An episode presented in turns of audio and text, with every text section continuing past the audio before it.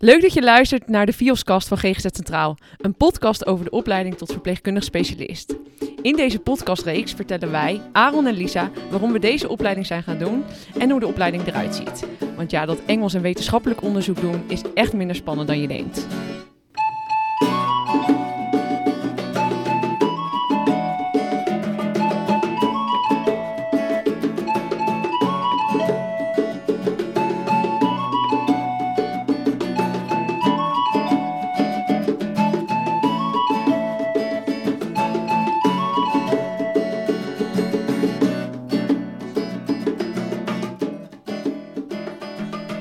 Onze tweede podcast, opnieuw in Berkenrode. Yes, we zijn er weer klaar voor. Ja, supergoed. En uh, vandaag gaan we een van de belangrijke beroepscompetenties bespreken die in onze opleiding naar voren komt. En dat is de competentie klinisch handelen. Het is een van de drie competenties waar we als verpleegkundig specialisten ons vooral mee bezighouden. Dus uh, vandaag hopen we jullie wat meer uitleg te gaan geven over wat houdt nou dat klinisch handelen in? Wat maakt nou, hè, wat, wat, wat houdt die competentie in en wat maakt dat dat zo belangrijk is voor jou als uh, toekomstig verpleegkundig specialist? Ja, ik was als verpleegkundige vaak geneigd om als ik een probleem zag, om er als het ware eigenlijk op te duiken en uh, het ook wel weer snel op te lossen. Want ik dacht, nou, als het probleem er niet is, dan, uh, nou, dan zal de patiënt zich waarschijnlijk wel beter voelen en dan heeft dat succes voor de behandeling en dan kunnen we weer verder met elkaar. En ik denk, als ik nu terugkijk naar waar zat voor mij de eerste grote stap in, was toch ook wel het stukje gaan achterhalen van wat is nou de oorzaak van het probleem. Ik denk dat ik daar Um, nou, hoe verder de opleiding komt, hoe verder ik er ook mee ga. Dus dat ik dat wel uh, nou, steeds, steeds meer als echt het belangrijkste punt. Uh, nou, ik vind het eigenlijk al het belangrijkste punt, maar dat ik, dat ik er ook nog gewoon steeds meer woorden aan kan geven. Dat ik beter ja. kan verklaren: hey, hoe komt dit nou en wat maakt nou dat dit gebeurt? En dus, dus dan zeg je eigenlijk dat je, dat je niet helemaal voorheen als verpleegkundige. Ja, daar had je soms ook wel wat overzicht en wat overstijgend. Maar je, je, je, werkt ook wel heel erg in, in de waan van de dag. Mm -hmm. um, en, en, nu als behandelaar probeer je toch iets meer een rode lijn uit te stippelen of, of de achtergrond van bepaalde zaken aan te pakken. Ja, ik denk dat dat ook echt is waar je uiteindelijk als nou, regiebehandelaar dan zometeen ook naartoe wil. Is dat je um, ook die afstand nodig hebt om goed je, nou, je klinische redenatie te kunnen doen. Um, wat, wat je ook kan, kan verwoorden in wat de patiënt uiteindelijk nodig heeft. En wat je ook zelf als behandelaar kan, kan inzetten om die patiënt uiteindelijk te helpen. En ik denk dat als ik kijk naar hoe de opleiding eruit ziet en het stukje klinisch, uh, klinisch handelen, dan krijg je daar eigenlijk vanaf het begin van het, van het schooljaar krijg je daar lessen in, doordat klinische redeneren eigenlijk heel erg belangrijk is. En dat zie je Ja. dan terug in de lessen. Ja. hè? Ja, klopt. Op heel veel vlakken. Hè. Dus dan eh klinisch redeneren, daar denken mensen heel vaak dan toch een beetje in probleemdenken. Dus dan, dan kom je toch uiteindelijk in, in de medische wereld uit. Hè? Mhm, mhm. Ehm, alleen wij, wij leren dat ook wel heel breed te doen. Ja, en, en dat is ook wel, het vind ik heel erg leuk. Want je bent natuurlijk, eh, gelukkig vind ik dat leuk, ja. Je bent natuurlijk verpleegkundig specialist. Dus ehm, voor mij staat dan de verpleegkundige diagnostiek wel op één. Maar het medische ehm, eh, is natuurlijk net zo belangrijk. Dus daar, daar je psychiatrisch onderzoek, eh, je DSM-classificatie is daarin helpend. Maar je verpleegkundige diagnostiek, eh, nou, dat kregen we ook op school wel veel les in. En dan Ja. ga je werken met NANDA-diagnoses. Dat zijn diagnoses eh, waarmee je als verpleegkundige specialist of verpleegkundige een eh, verpleegprobleem eigenlijk vaststelt. Ja, ja.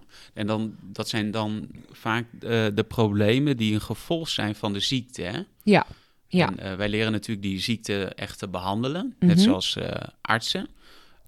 Maar wij zijn eigenlijk gespecialiseerd om de, de, de problemen die voortkomen uit de ziekte te behandelen. Dus Ja. vandaar ook die, die verpleegkundig specialist.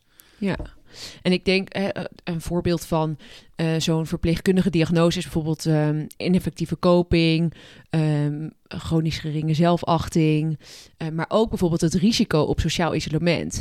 En, en dat vind ik zo belangrijk om dat eigenlijk ook mee te nemen. Ook die risico's die, er, die we zien ehm, van hey, let op, als we, als we nu niet gaan, gaan nou, behandelen of als we nu niet gaan ondersteunen, dan, dan is het risico, bestaat er ook blijkbaar een, een groot, groot risico. En ik vind dat heel erg belangrijk dat we ook daar naar kunnen kijken. En ook de kwaliteiten, als er is bereidheid tot het verbeteren van de koping bijvoorbeeld, dat we ook die kernpunten zo naar Ja. voren kunnen halen in de behandeling. ook een beetje aan de slag kunnen met, met de krachten van iemand om, om die kunnen te versterken. Hè?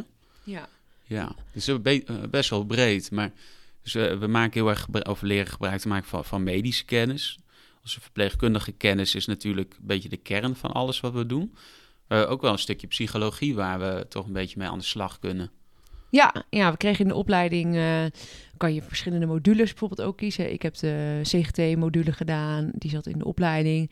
En ik heb een, eh, een deeltje, gedeelte van de PRP-module, was persoonsgerichte eh psycho... Ja, en schematherapie Ja, dat werd heel erg ingezoomd op de schema, schematherapie.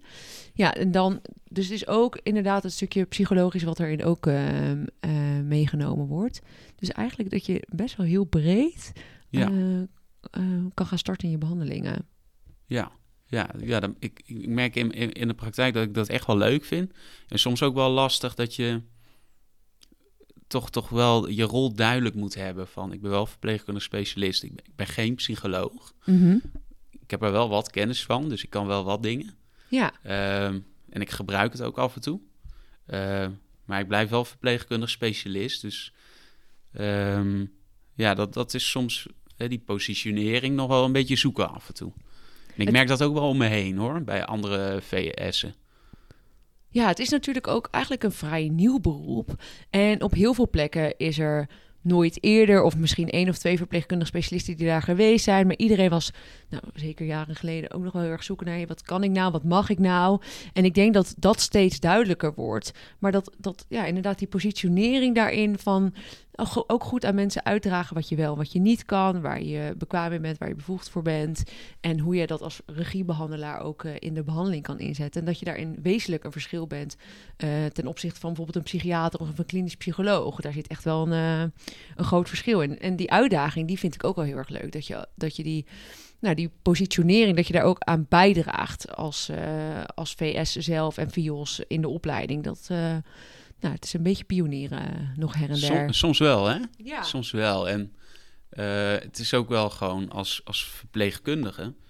eh, maak je ook wel een bijzondere stap naar behandelaar zijn. Mhm. als verpleegkundig specialist doe je echt heel ander werk als verpleegkundige. Je hebt echt een andere rol. ja. Ja, liep jij daar in eerste instantie tegen dingen aan?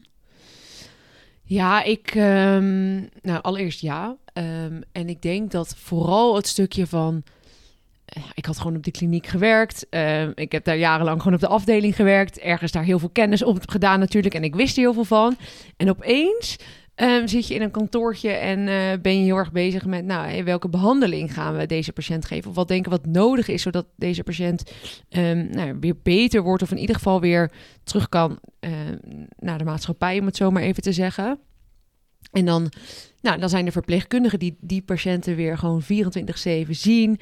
Waar ik gewoon ook echt gelijk weer het volle vertrouwen in had. Want ik weet nog hoe belangrijk ik het ook vond als verpleegkundige. Dat nou, je als, als verpleegkundige ook handvatten kreeg van behandelaren. Bijvoorbeeld hoe je de patiënt goed kon benaderen, begeleiden. En ook bijvoorbeeld rondom medicatie, wat erin belangrijk was. Dus dat vond ik wel, dat ik dacht, oh, daar wil ik me gelijk goed voor inzetten. Maar het was ook nog heel erg zoeken. Ik was echt wel, eh, ik was blij dat er een voorbeeld eh, naast me stond op de af. Ik had een verpleegkundig specialist naast me. Ah, ja. Dat ik dacht, oh, dat, dat, dat vond ik wel heel erg prettig. Ja, ja, ja. Dus die stap, hij is groot. Het is echt uit je comfortzone. En ik denk ook dat het ook wel typerend is voor verpleegkundigen dat je dat ergens ook wel relaxed vindt. Want het is allemaal niet zo, het is wel gekaderd, maar niet mega strak gekaderd. Je krijgt best wel veel ruimte om dingen zelf te gaan ontwikkelen, om te kijken van hé, hey, dit vind ik leuk, hier word ik enthousiast van. Dan kies je ook bepaalde modules weer in je opleiding om je daar verder in te gaan ontwikkelen. En je hebt bijvoorbeeld ook addenda's binnen de opleiding. Dat Ja, zijn er een heel ja. aantal. En dat zijn eigenlijk, eh, dat neem je dan bijvoorbeeld op in je werkplan. Dus elk jaar maak je een werkplan. En daarin stel je eigenlijk een soort van nou, leerdoelen voor jezelf op. En addenda's zijn eigenlijk addities die je doet, waar je nog verder in wil nou, Ja, bekwamen. een beetje een toevoeging, hè? Ja, Omdat je zo, eh, ja. Weet je, aan het begin van de opleiding weet ik ook nog wel eh, dat er werd gezegd van je wordt generalistisch opgeleid. Het is heel veel omvattend. En je zult ook niet alles uiteindelijk heel goed kunnen. Ehm, en ik weet niet meer wie dat zei binnen onze opleiding. Ehm, maar toen werd er wel meegegeven van... ga na een tijdje ook een beetje je pijlen trekken. Van, eh, dit ben ik, dit past bij me, dit kan ik heel goed. Ehm, om, om je toch een beetje mee te geven van... Uh, creëer ook een beetje je eigen identiteit... en uh, wie jij straks bent als verpleegkundig specialist. Mhm. ja, om je toch een beetje... dat je jezelf toch een kant op gaat duwen van... Ehm, dit kan ik dan heel goed, bijvoorbeeld. Hè? Dus vandaar ook die uh, addenda's die je kan toevoegen.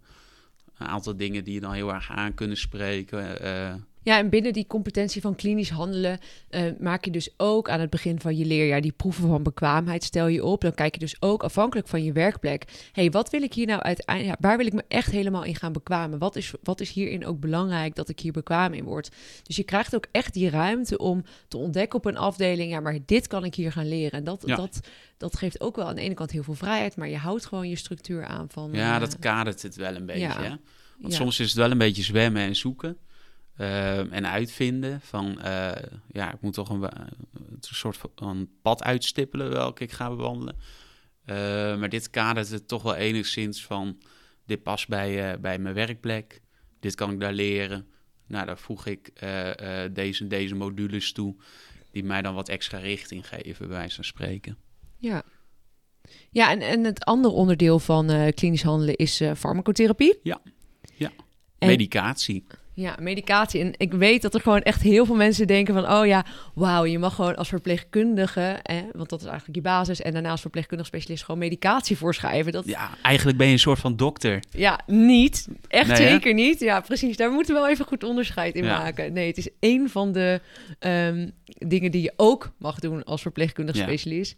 Maar je bent natuurlijk geen eh, psychiater of arts. Nee, dat wel, klopt. En, en ja, natuurlijk overlapt onze rol, denk ik, op sommige vlakken wel eens. Hè. Je bent een behandelaar en uiteindelijk kan je medicatie voorschrijven. Maar dat is soms ook wel een klus. Het is niet zo dat je dan maar denkt van, eh, je krijgt dit of dit pilletje. Maar daar gaat het proces vooraf, hè?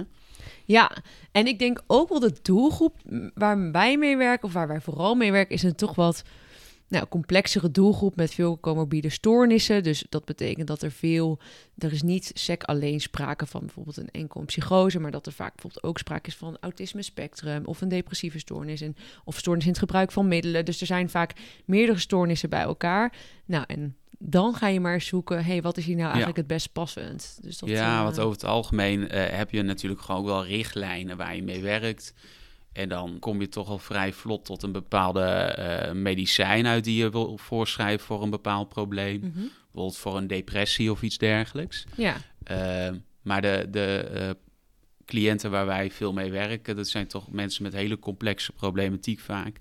En sommige mensen hebben echt alle behandelingen al gevolgd van de hele richtlijn.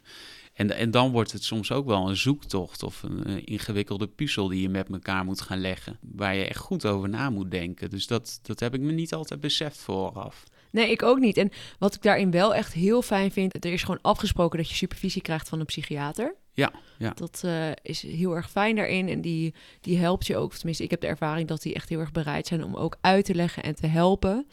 En we werken ook met eh Six Steps om eigenlijk die competentie steeds beter ook te gaan beheersen. En de Six Step is eigenlijk je klinisch redeneren waarom je kiest voor een bepaalde behandeling. En Ja. vaak is dat wat meer dan gericht op de farmacotherapie.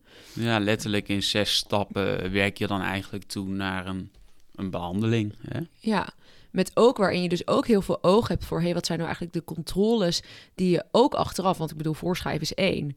Maar ja, eh, daarna komt er nog heel veel meer. Hè? De mensen Ja. zijn eh, soms afhankelijk van medicatie... of je, wil ze, je hebt bedacht dat je ze voor tijd op medicatie stelt. Hoe bouw je het weer af? Eh, het kan somatische gevolgen hebben, dus hoe hou je dat in, in de smiezen? Hoe bevoor je de medicatietrouwheid van mensen? Dus, dus het is niet alleen het, het medicament voorschrijven. Nee, het is ook gewoon het hele stuk daarvoor eigenlijk vooraf screenend. En, Wat heeft ook. iemand al gebruikt? Wat zegt de richtlijn over dit? Eh, wat komt er allemaal bij kijken? Het is eh, best denkwerk hè? En, en, en goed uitzoeken van eh, wat is de historie? Wat wordt aanbevolen? Ja, nou, en het verschilt ook heel erg per doelgroep. Jij Ja. werkt nu op, die, op langdurige zorg. ja, dat is soms super ingewikkeld. Want dan bijvoorbeeld, hè, dan sommige mensen die, die een psychotische stoornis hebben. En nou, er zijn er wel wat bekende middelen die af en toe worden voorgeschreven uh, in de behandeling. Maar sommige van die mensen die, die hebben al die behandelingen al gehad. En die hebben allemaal niet voldoende gewerkt. Mhm. Nou, dan, dan moet je echt goed uitzoeken van, nou, wat is dan nu slim om te doen? Zijn er nog andere mogelijkheden die, die uh, de klachten kunnen verminderen van iemand? Ja. Nou, dan heb je ook de lichamelijke gezondheid van iemand die een rol speelt. Want ieder medicijn die heeft ook bijwerkingen vaak. Ja. Uh, daar kunnen mensen ook super veel last van hebben. Dus hoe meer medicijnen vaak, hoe meer bijwerkingen. Nou, dat moet allemaal draaglijk blijven. En, en de cliënt moet het er ook nog eens vaak uh, mee eens zijn of, of het ook willen nemen. Want ja, dat is nogal, uh, het heeft veel impact. Dus je bent met veel dingen bezig. Ja, en ik, ik werk nu dan op de polykliniek persoonlijkheidsstoornissen. Dus dan heb je toch even vaak iets minder als eerste keus farmacotherapie. Dat staat ook later pas in de richtlijn. Dus daar hou ik nu wat minder mee bezig. Ja. Maar op de kliniek was het echt wel anders. En dat, dat is denk ik ook mooi dat je heel breed, uh, Ja. breed kan zijn daarin. En ik denk, hè, nog even terugkomend op... nou, wat is dan het verpleegkundig specialistenstukje daarin? Het is ook echt wel gaan kijken... Hey, wat is nou eigenlijk de oorzaak van wat we zien? En als dat te behandelen is met farmacotherapie, dan doen we dat. Hè, dan kunnen we dat. Um, en als we denken, hey, we hebben hier een expert bij nodig, dan consulteren we eigenlijk een psychiater om mee te denken. Um, en als we denken, hey, dit is eigenlijk een hele psychologische vraag, nou, dan consulteren we een psycholoog of verwijzen we door naar een psycholoog. Maar de basis ligt eigenlijk van, help mij met de gevolgen van mijn ziekte. Dat is eigenlijk waar we als verpleegkundig specialist, uh, nou, ons voornamelijk op, uh, Ja. op richten.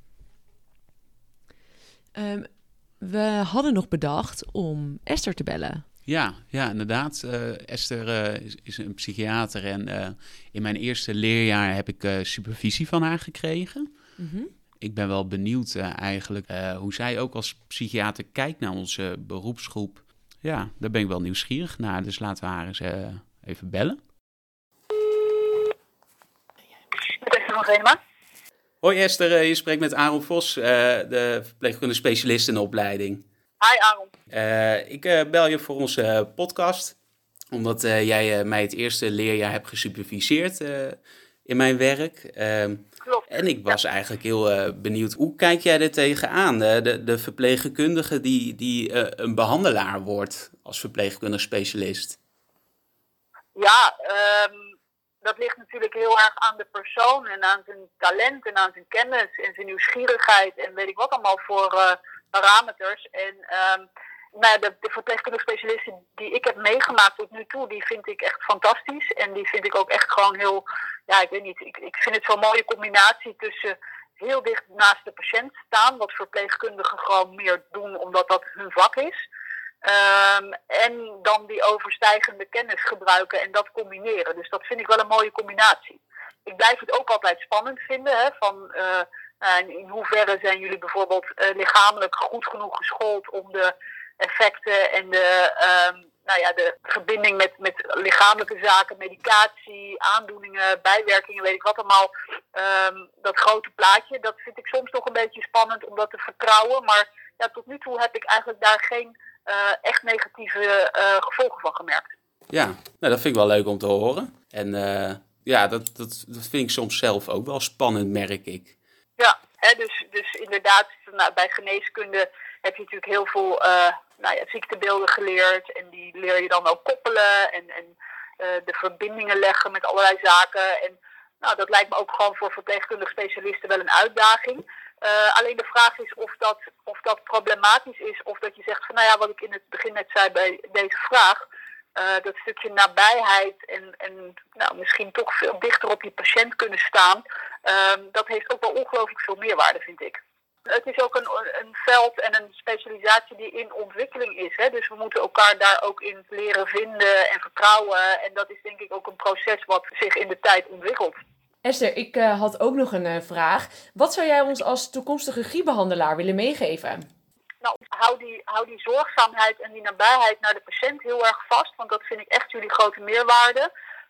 En ja, wees, wees kritisch en neurotisch, zeg ik altijd. Nou, prachtig. Daar sluiten we mee af. Hartstikke bedankt dat je tijd voor ons hebt gemaakt. Dankjewel. Oké, okay, bye bye. Bye bye. Wat leuk hoe zij zo uh, al die punten eigenlijk als uh, psychiater herkent in ons als verpleegkundige specialisten. Hoe ze daar naar kijkt. Dat vind ik echt wel, uh, nou, bijzonder om te horen. Ja, ja, heeft mij ook echt super geholpen in mijn leerproces, eh, de supervisie met haar. En eh, eh, geeft wel een mooie kijk vanuit haar uit op ons vakgebied. Dat vind ik wel gaaf om te horen. Ja, ik denk ook echt dat het zo belangrijk is dat je die supervisie goed uh, krijgt van psychiaters. En ik vind tot nu toe zijn alle psychiaters echt ook zo bereid om ons uh, daarin te helpen en uh, ons daarmee nou, een steuntje in de rug te geven. Dat waardeer ik. Ja, en noodzakelijk ook wel, vind ik hoor, in Ja. de opleiding. Ja, ja. Nou, laten we daar vooral mee doorgaan. Ja. Ja, inderdaad. En dan nu het laatste onderdeel van deze podcast, onze stellingen. Ja, Wil jij beginnen? is goed. Klinisch werken of ambulant? Eh, ambulant. Ja, hoezo? Nou, ik vind toch het werken met mensen in hun eigen omgeving eigenlijk het meest eh, prettig. Ja, dat vind ik toch wel eh, het meest fijn om daarin eh, in te werken. Oké. Clozapine of citalopram? Jeetje, Aaron. Eh, nou, citalopram. Clozapine heeft zoveel eh, nou, nare bijwerking. Dus als we dat ergens later in de behandeling kunnen gaan eh, proberen, heeft dat wel de voorkeur. Ja. ja. Ook is het wel een heel goed middel. Ja, inderdaad. Nee, maar inderdaad, even voor de luisteraars. Hè, clozapine, dat wordt natuurlijk gegeven voor, bij mensen met stoornis schizofrenie vaak. En het is toch een middel die vaak pas wat eh, later in de behandeling, als andere middelen niet zo goed hebben gewerkt, eh, gegeven wordt. En citalopram, dus een antidepressivum, dus de- die krijgen mensen met een depressie. Ja. Eh, psychiatrische problematiek of LVB-problematiek? Psychiatrische problematiek. Ja, dan heb ik toch wel gekozen voor de GGZ en niet voor de, voor de VGZ. Ja. En dan vind ik het wel grappig om te benoemen dat ik juist heel erg achter kom tijdens deze opleiding. Dat, dat binnen onze doelgroep juist beide heel veel voorkomen. En dat het onderscheid soms ook ingewikkeld is. Ja, zeker. Ja, het komt echt, het, het loopt heel erg door elkaar heen. En eh, je komt het in je alledaagse praktijk, ook de LVB, gewoon eh, echt tegen. Nou, nu jij. nee, Eh, nu jij. Oh ja, ja nu ik. Eh, psychiatrie of psychiatrie en verslaving? Psychiatrie en verslaving. Ja, dat dacht ik al. Ja. Hey, en een six-step uitschrijven of een casuïstiek beschrijving maken? Een six-step uitschrijven. Hoezo? Eh, een aantal keren in het leerjaar moeten we zo'n casuïstiek uitschrijven. Mhm. Eh, of tenminste, dan moeten we gewoon een, een, een behandelplan van een, een van onze patiënten eh, toelichten en presenteren. En dat vind ik gewoon best wel vervelend om te doen. het is veel werk, hè? Het is heel veel werk. Het is echt veel Eh, werk. en, en je moet dat via eh, het beeldscherm aan een aantal collega's presenteren. Ja, dat vind ik soms wat ongemakkelijk. Ja, vroeger was het vroeger. nou, eerder was het natuurlijk wel gewoon live, maar nu is dat digitaal. En eh, ja, dat is wel anders dan, Ja. dan een six-step Ja. één op één met de psychiater bespreken. Ja. ja. Ehm, laagcomplexe zorg of hoogcomplexe zorg? Hoogcomplexe zorg. Eh, ja, ehm, eigenlijk terugkomend ook op je eerste vraag, psychiatrie en verslaving. Mhm. Er zijn toch vaak mensen die hoogcomplexe eh zorg krijgen. Eh, en dat is toch een doelgroep eh, die een beetje mijn hart heeft gestolen al, al heel lang. Ja, ja. Hey, dit was onze tweede podcast alweer. Hij zit erop. Ja, Volgende week gaan we verder met eh, onder andere innovatie, onze beroepscompetentie innovatie. We hopen dat jullie weer luisteren. hartstikke leuk. Inderdaad, iedereen bedankt voor het luisteren. En, Tot de eh, volgende keer. Joe, joe.